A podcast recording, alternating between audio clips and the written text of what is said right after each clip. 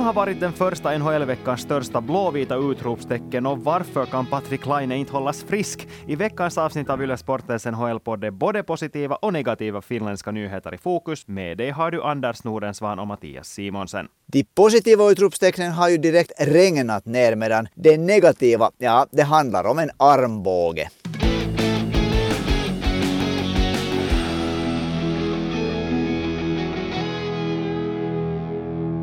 Ja, jag tycker att vi börjar med de här positiva nyheterna, för nu har vi som sagt sett en vecka ungefär av riktig NHL-action, inte bara den där tjuvstarten i Prag, utan riktiga NHL-matcher i Nordamerika. Och nu finns det ju ganska många finländare som vi måste lyfta fram redan nu. Men om vi börjar med samma lag som vi slutar med på våren, alltså Colorado Avalanche som vann Stanley Cup, inte har vi nog märkt av någon baksmälla åtminstone hittills, framförallt hos finländarna. Nej, det har nog börjat verkligt fint för Colorado.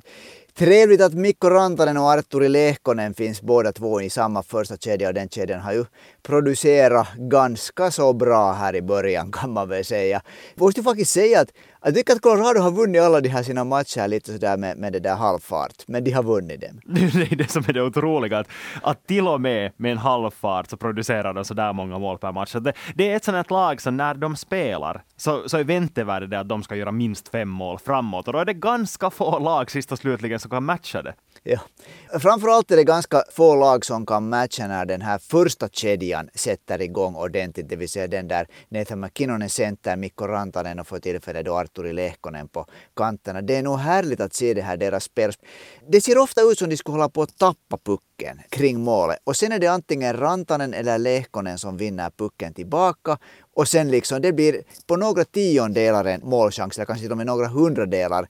De har inte ens haft speciellt bra utdelning och då har Rantanen sex poäng på tre matcher och Lehkonen fyra poäng på tre matcher. Det är att det där som vill lägga ribban nu, att det är sådär att ja, de kan göra bättre fortfarande, de snittar fler poäng per match. Nej men hej, vi har en ganska intressant fråga som har kommit in gällande just det här. Sami undrar om Arturi Lehkonen kommer att få stanna i den här första kedjan sen när Gabriel Landeskog kommer tillbaka, för han är ju skadad nu. Colorado har inte uttryckligen sagt att det handlar om den här samma knäskadan som han opererades för, men att det är någon skada i den nedre kroppen som spökar fortfarande. Det är ju alltid den där evighetsfrågan. Man tycker att någon börjar bra i en kedja som det finns en annan spelare som man brukar vara i och så, så det där blir snacket att, att ska den här spelaren stanna efter att, efter att den här spelaren kommer tillbaka. Så kommer jag ihåg att Gabriel Landeskog är lagets kapten. Han var jättebra förra säsongen. Så det behöver inte vara någonting negativt överhuvudtaget mot Arturi Lehkonen att Gabriel Landeskog på något sätt tar tillbaka sin plats så här helt liksom per definition när han kommer tillbaka. Jo, nej, absolut inte något negativt, men det som jag tror att kanske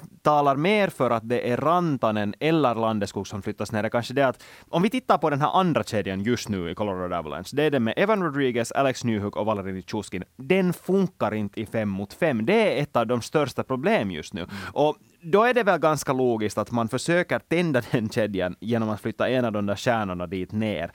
Antingen då att det skulle vara Mikko Rantanen, och det här kan hända redan före Gabriel Landeskog kommer tillbaka, att till exempel Mikko Rantanen skulle flyttas ner till andra kedjan. Och om man skulle göra det så att man skulle behålla den här klassiska första kedjan med, sen igen när Landeskog kommer tillbaka med Landeskog, med Kinnan och Rantanen, så då tycker jag nog absolut det är nästan en hyllning att man sätter Arturi Lehkonen dit som en sån där spelare som ska höja deras nivå. Ja, det är sant, men den där, alltså problemet är ju det att Alex Newhook han visar ju emellan lite sådana tendenser av att han skulle kunna bli en riktigt bra center, men han är inte ännu färdig där. Och det, nu är det ju lite, har man tålamod med Newhook och så är eh, Rodriguez är ny där. Han har kanske inte heller riktigt ännu hittat sin roll. Så så länge som det där Colorado vinner matcher hela tiden om det inte ska få ganska många chanser att försöka i alla fall. Men det är nog, alltså Gabriel Landeskog har ju ofta egentligen varit andra kedjan också. Så det, det, blir intressant. Och så finns ju möjligheten då som vi har talat om tidigare redan att Mikko Rantanen skulle vara, eh, spela som center i andra kedjan. Nu har han ju tar, tar han för tillfället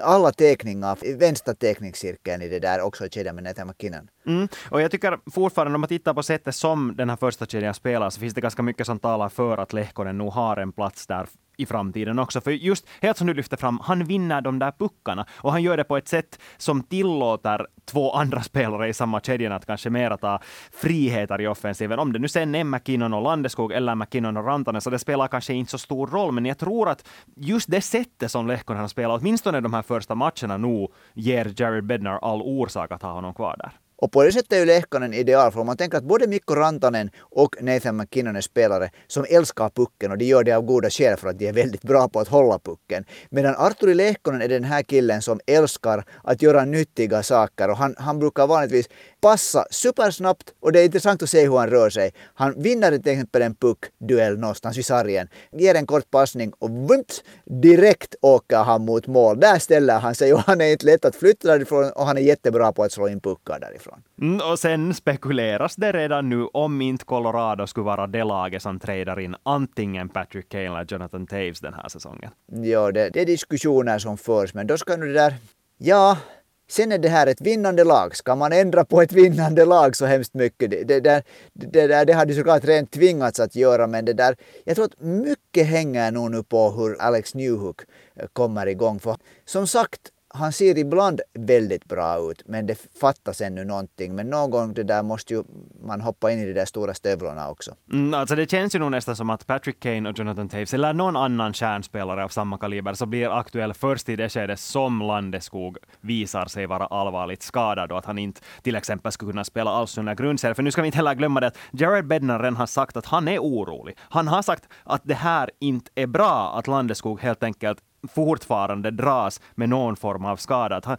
det här uttryckliga citatet som jag såg efter någon match, nu minns jag inte vilken match det var, men han sa att Of course you're concerned at this point. Såklart är man orolig. Och det är ju någonting som tränare inte sådär värst frivilligt säger. Nej, och det har nog, Landeskog har nog, det har nog bara börjat vara återkommande det här att han har ordentliga långa skadeavbrott. Det där, jag hörde här en, en diskussion förra veckan när det var på en nordamerikansk eh, podcast som, som de snackade om, om playmakers som är yttrar och vilka som är de bästa eh, ytterforwarder som playmaker. Och Johnny Gaudreau är såklart en av dem.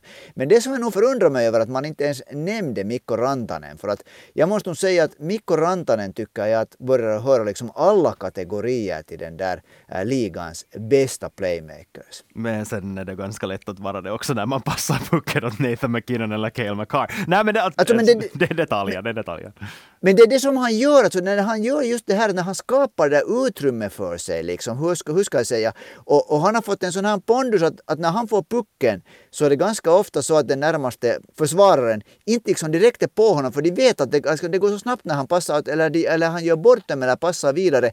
Han har skapat ett sånt här litet utrymme tycker jag omkring sig att han får liksom, och arbetsro är nu fel, fel ord när det gäller NHL men ska vi säga att alla är medvetna hur bra han är. Det finns många andra finländare som vi ska hylla här och nu tänker jag vara lite självisk. Och nej, vi tar det här via en fråga. Anders, vem lyfter jag fram som den hetaste kandidaten att vinna Finländarnas målliga den här säsongen, när vi tippar ja. säsongen? No, du, du lyfte fram Roope Hintso det där. Det var nog en bra tippning om man ser på hur Roope, Roope Hintso, hans första kedja där i Dallas har spelat hittills, för det ser nog helt lysande bra ut. Och det där, när det gäller Roope Hintso måste jag direkt passa på här och säga att hoppas han nu inte skadar sig. För han har också de här som alltid går sönder när det ser riktigt bra ut. ja, nu ska vi inte måla fan på väggen där. Nej, men alltså, nu är han ju den här andra, om vi talar om anfallare, den andra, den tredje som vi i det här sammanhanget måste lyfta fram, som verkligen har visat framfötterna under den första veckan. Han har ju nog, han har nog kommit ut ur startställningarna med en frenetisk fart. Som, han är ju snabb, det vet vi ju. Och inte har väl Sebastian Aho varit så hemskt dålig heller. Jag antar att de där två andra som du syftar på var Lehkonen och Rantanen. Ja, nej, nej, nej, men alltså nu talar jag om till exempel Aho och Barkov har ju presterat på den nivå som man förväntar sig av dem. Men Hintz Barkov har, inte presterat. Barkov har inte varit bra hittills. Ja, men om man tittar poängmässigt så har han ändå liksom snittat tillräckligt många men... för att man kan säga att han har varit helt okej. Okay. Men nu talar jag liksom om ändå utropstecken och nu har ju Rope Hintz varit ett ja. utropstecken nu. Ja, det har han varit. Det har... Eller är det fel att säga att Rope Hintz har varit ett utropstecken för vi har vetat att han varit bra. Men det här vill jag liksom komma in på en, en spelare som vi inte behöver diskutera hemskt länge om. Men om jag säger en back som på tre matcher har gjort ett plus fyra. Vem är det? Det är Olli Määttä i Detroit. Tre matcher, ett plus tre, fyra poäng. Vad säger du om det på tal om utropstecken? Nej, det är ett helt okej saldo åtminstone om man heter Olli Määttä. Det, det här ska vi inte sticka under stol med. Nej, han ligger ju på, det här måste man ju alltid säga i början av säsongen, fyra poäng på tre matcher, så det där, ja, det börjar ju luta åt uppåt 90 poäng för Olli Määttä.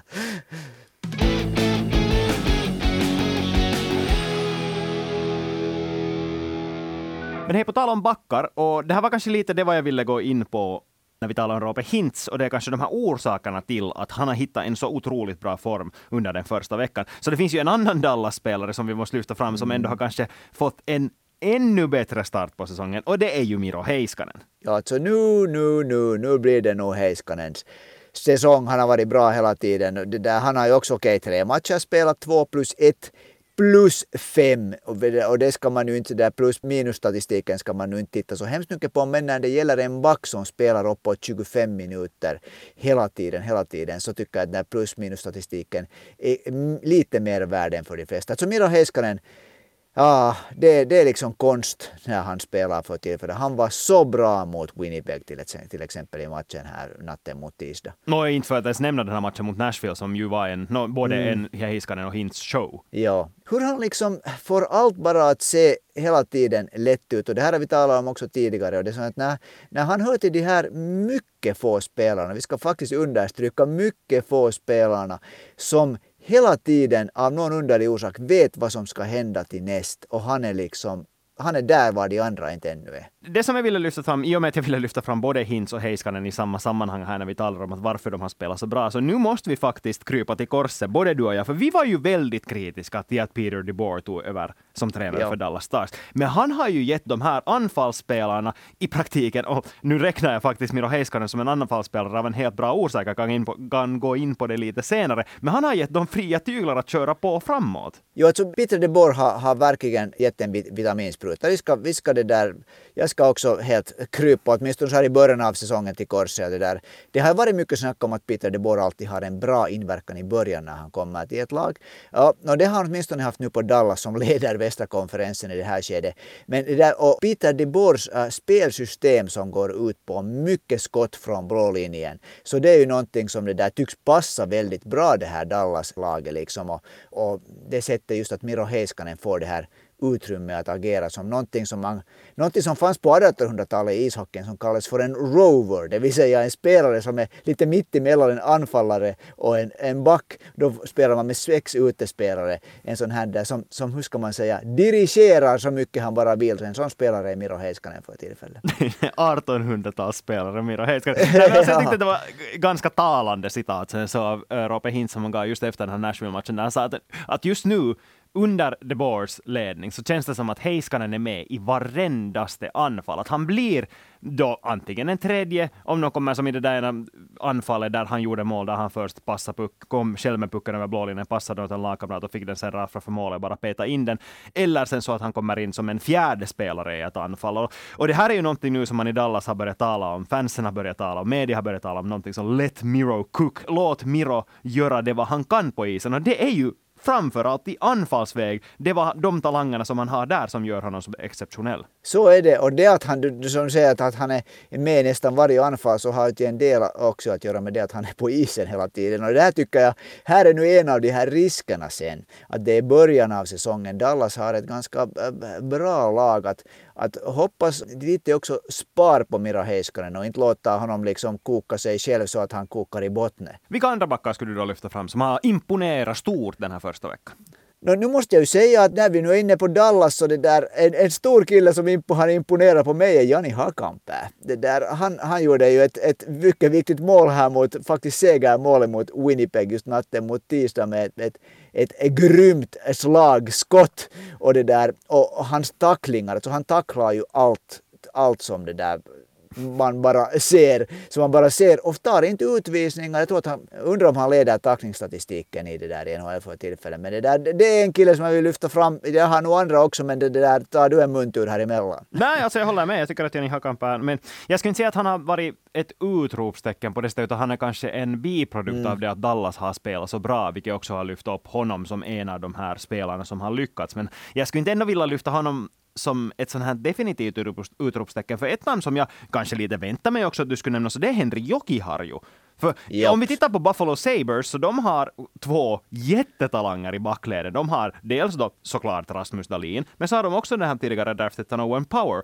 Men ändå är det, känns det som, till exempel i den här lördagskvällsmatchen som säkert jättemånga såg, där Buffalo mötte Florida Panthers, så nu var ju Henry Joke har ju nästan den synligaste av dem alla. Jo, och syn, alltså, ska vi säga, han var synlig på ett bra sätt. För att det där, uh, han, han det där, eh, uh, igen en sån här spelare som gör grymma mängder med rätta val, speciellt när han har pucken. Han är kanske inte alltid som bäst, det ska vi vara ärliga med, i försvarsspelet där kring det egna målet. Där gör han emellan misstag, också delvis för att han kanske inte är fysiskt så grymt stark. Men när han får pucken så blir det väldigt snabba och väldigt bra val.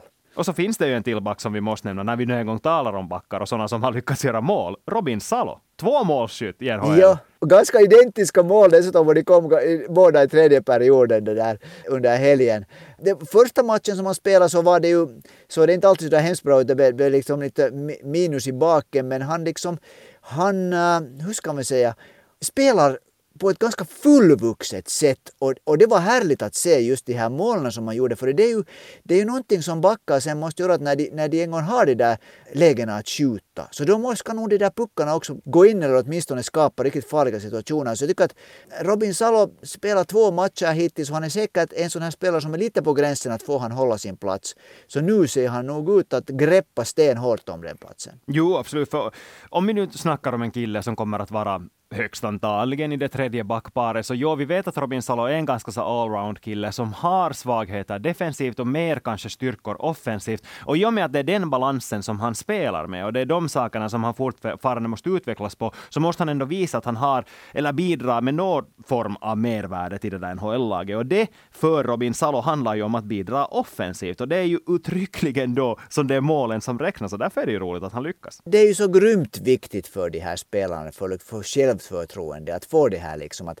att det lyckas. Och om jag får växla lite på självförtroende åt andra hållet här liksom, så det där en grym besvikelse åtminstone för mig, jag tror för dig också, att det igen ser ut som Ville Heinola inte skulle få sin, sin chans i ett ganska svagt Winnipeg-försvar. Mm, vi har fått in en fråga av det här också. Ludvig undrar varför han inte får den här chansen. Ja. Alltså, för mig åtminstone är det ganska obegripligt, för han är ju liksom Äh, hur ska man säga, om vi, om vi har den ena finska, Miro Heiskanen är liksom unik, men lite i samma typ spelare om man ser på styrkorna så jag tycker att Henry Jokiharju hör lite till den liksom klassen av backar också. Och dit hör egentligen också Ville Heinola tycker jag. Att jag förstår inte att han liksom inte får den där möjligheten att visa vad han går för.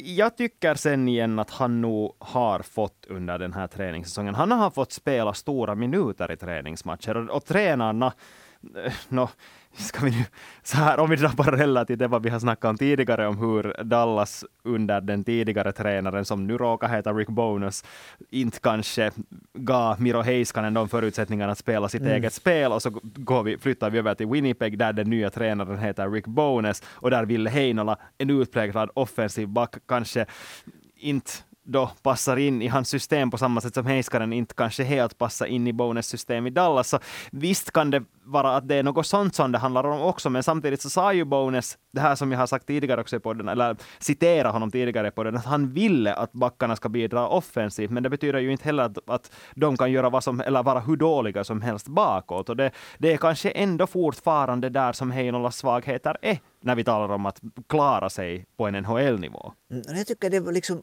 det har att göra med också med vem man parar ihop den här spelaren och, och det där och, och spelsystem. Just Miro Heiskanen var liksom, han är bara så bra att Bones kunde ju liksom inte, inte där. Han, han, han, Heiskanen fick ganska mycket tror jag spela enligt sina egna instinkter, åtminstone i, försvars, i försvarsspelet för han gjorde allt hela tiden rätt. Säkert är det så att Ville Heinola inte är den optimala defensiva backen, men det är många som inte det är. inte heller till exempel Quinn, Hu, Quinn Hughes. Det där. Men inte kan du, inte kan du nämna Ville Heinola och Quinn inte. Hughes i samma nej, mening? Jag kan inte. I princip inte, men åtminstone inte tills Ville Heinola har fått spela typ 30 matcher i ett streck i NHL och få lite ansvar och inte hela tiden vara...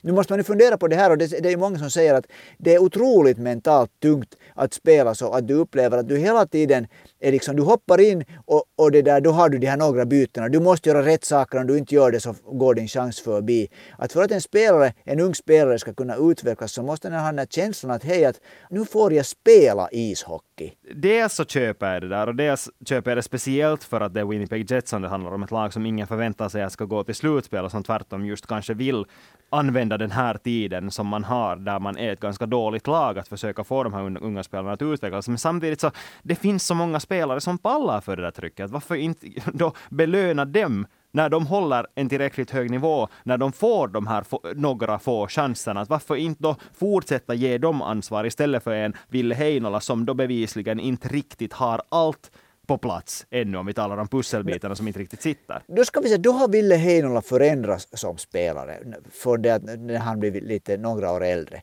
För att man ser också han, vilka, vilka det där turneringar han har gjort jättebra ifrån sig för Finlands juniorlandslag och det där. Han hör nog till de, de backarna som hade sådana här offensiva talanger som nog höjde ögonbryn och det där. Och igen så tycker jag att det är en spelare som det där måste få, jag typ säger det på nytt, måste få den där chansen att spela in sig i sin roll och, och få liksom dansa på blå linjen och göra sånt som han, som han är bra på. det där. Jag tycker nog att Ville Heinola inte riktigt har fått den rollen han borde få i NHL. Men för att avrunda med något positivt ännu så vi ska ännu hålla blickarna på Olli Määttä och Ville Husso i Detroit. Ville Husso höll nollan i första matchen och som sagt Olli Määttä fyra poäng på tre matcher.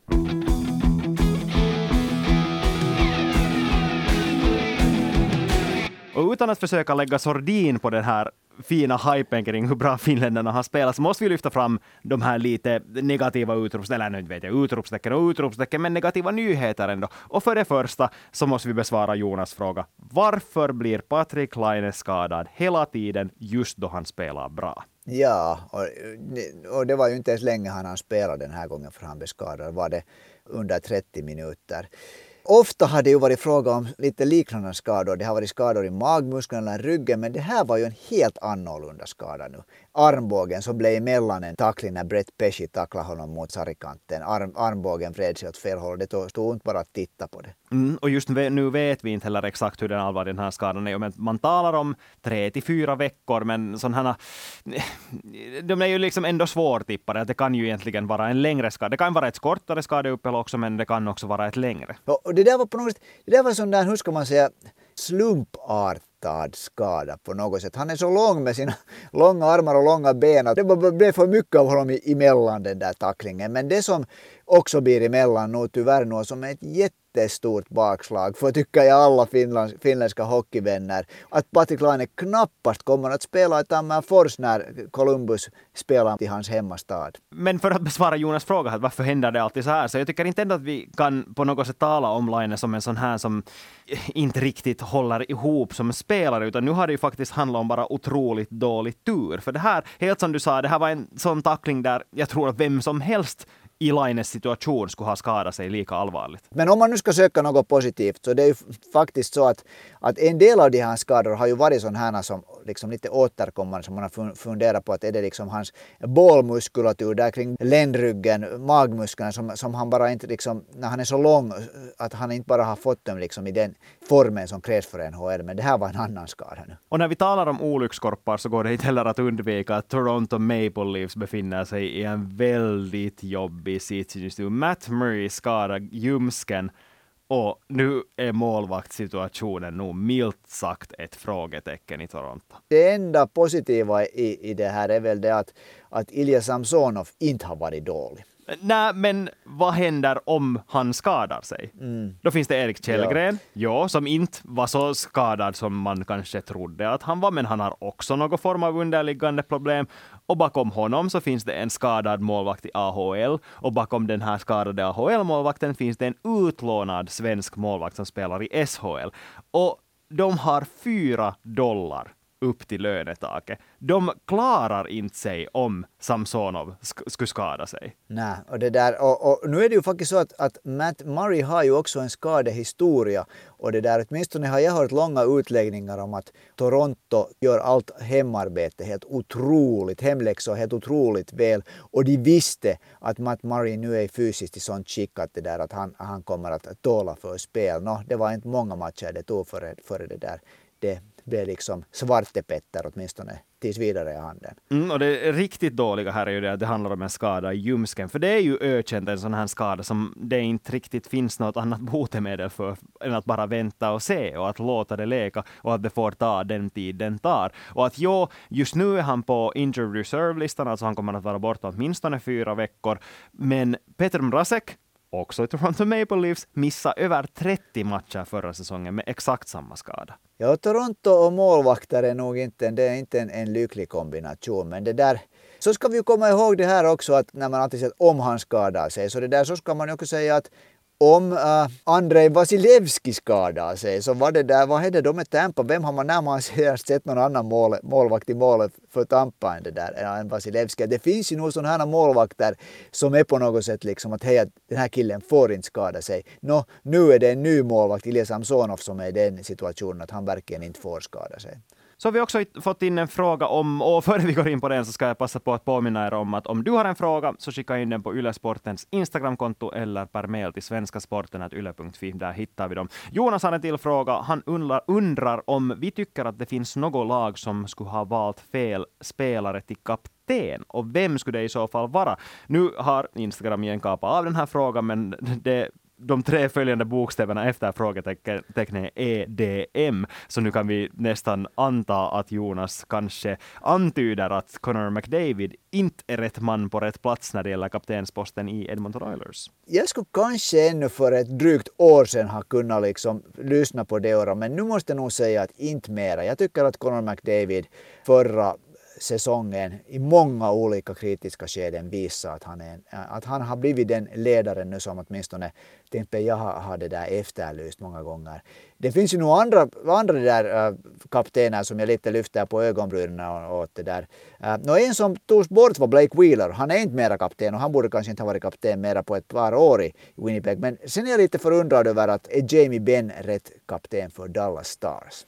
Mm, men samtidigt så vet vi ju inte heller hur dynamiken ser ut i omklädningsrummet. Det är ju någonting som vi inte vet. Vi ser inte hur de här spelarna är sinsemellan. Och det är ju någonting som väger alldeles otroligt tungt när man väljer en kapten. Eller det ska åtminstone väga otroligt tungt. Och det är ganska sällan som man går enbart på basis av hurdana de här spelarna är talangmässigt. Att, att jag minns till exempel att när Colorado valde Gabriel Landeskog till kapten i väldigt ung ålder, så då kommer jag ihåg att jag 19 höjde på år! Ja, så då kommer jag ihåg att jag höjde på ögonbrynen och var sådär att okej, okay, att jo, han är en supertalang, men att ska man faktiskt välja en sån kille till lagkapten? Men sen har man ju nog sett att han är en sån person som de andra spelarna ser upp till och en sån person som tar utrymme i omklädningsrummet på, på rätt sätt och en sån vill man ju ha som lagkapten. Att, att det finns ganska mycket här som vi kan, ja såklart spekulera i, det älskar vi ju att göra, men samtidigt vet vi inte heller hela, oftast hela storyn bakom varför just en viss spelare har blivit vald. Men ja, Ben i Dallas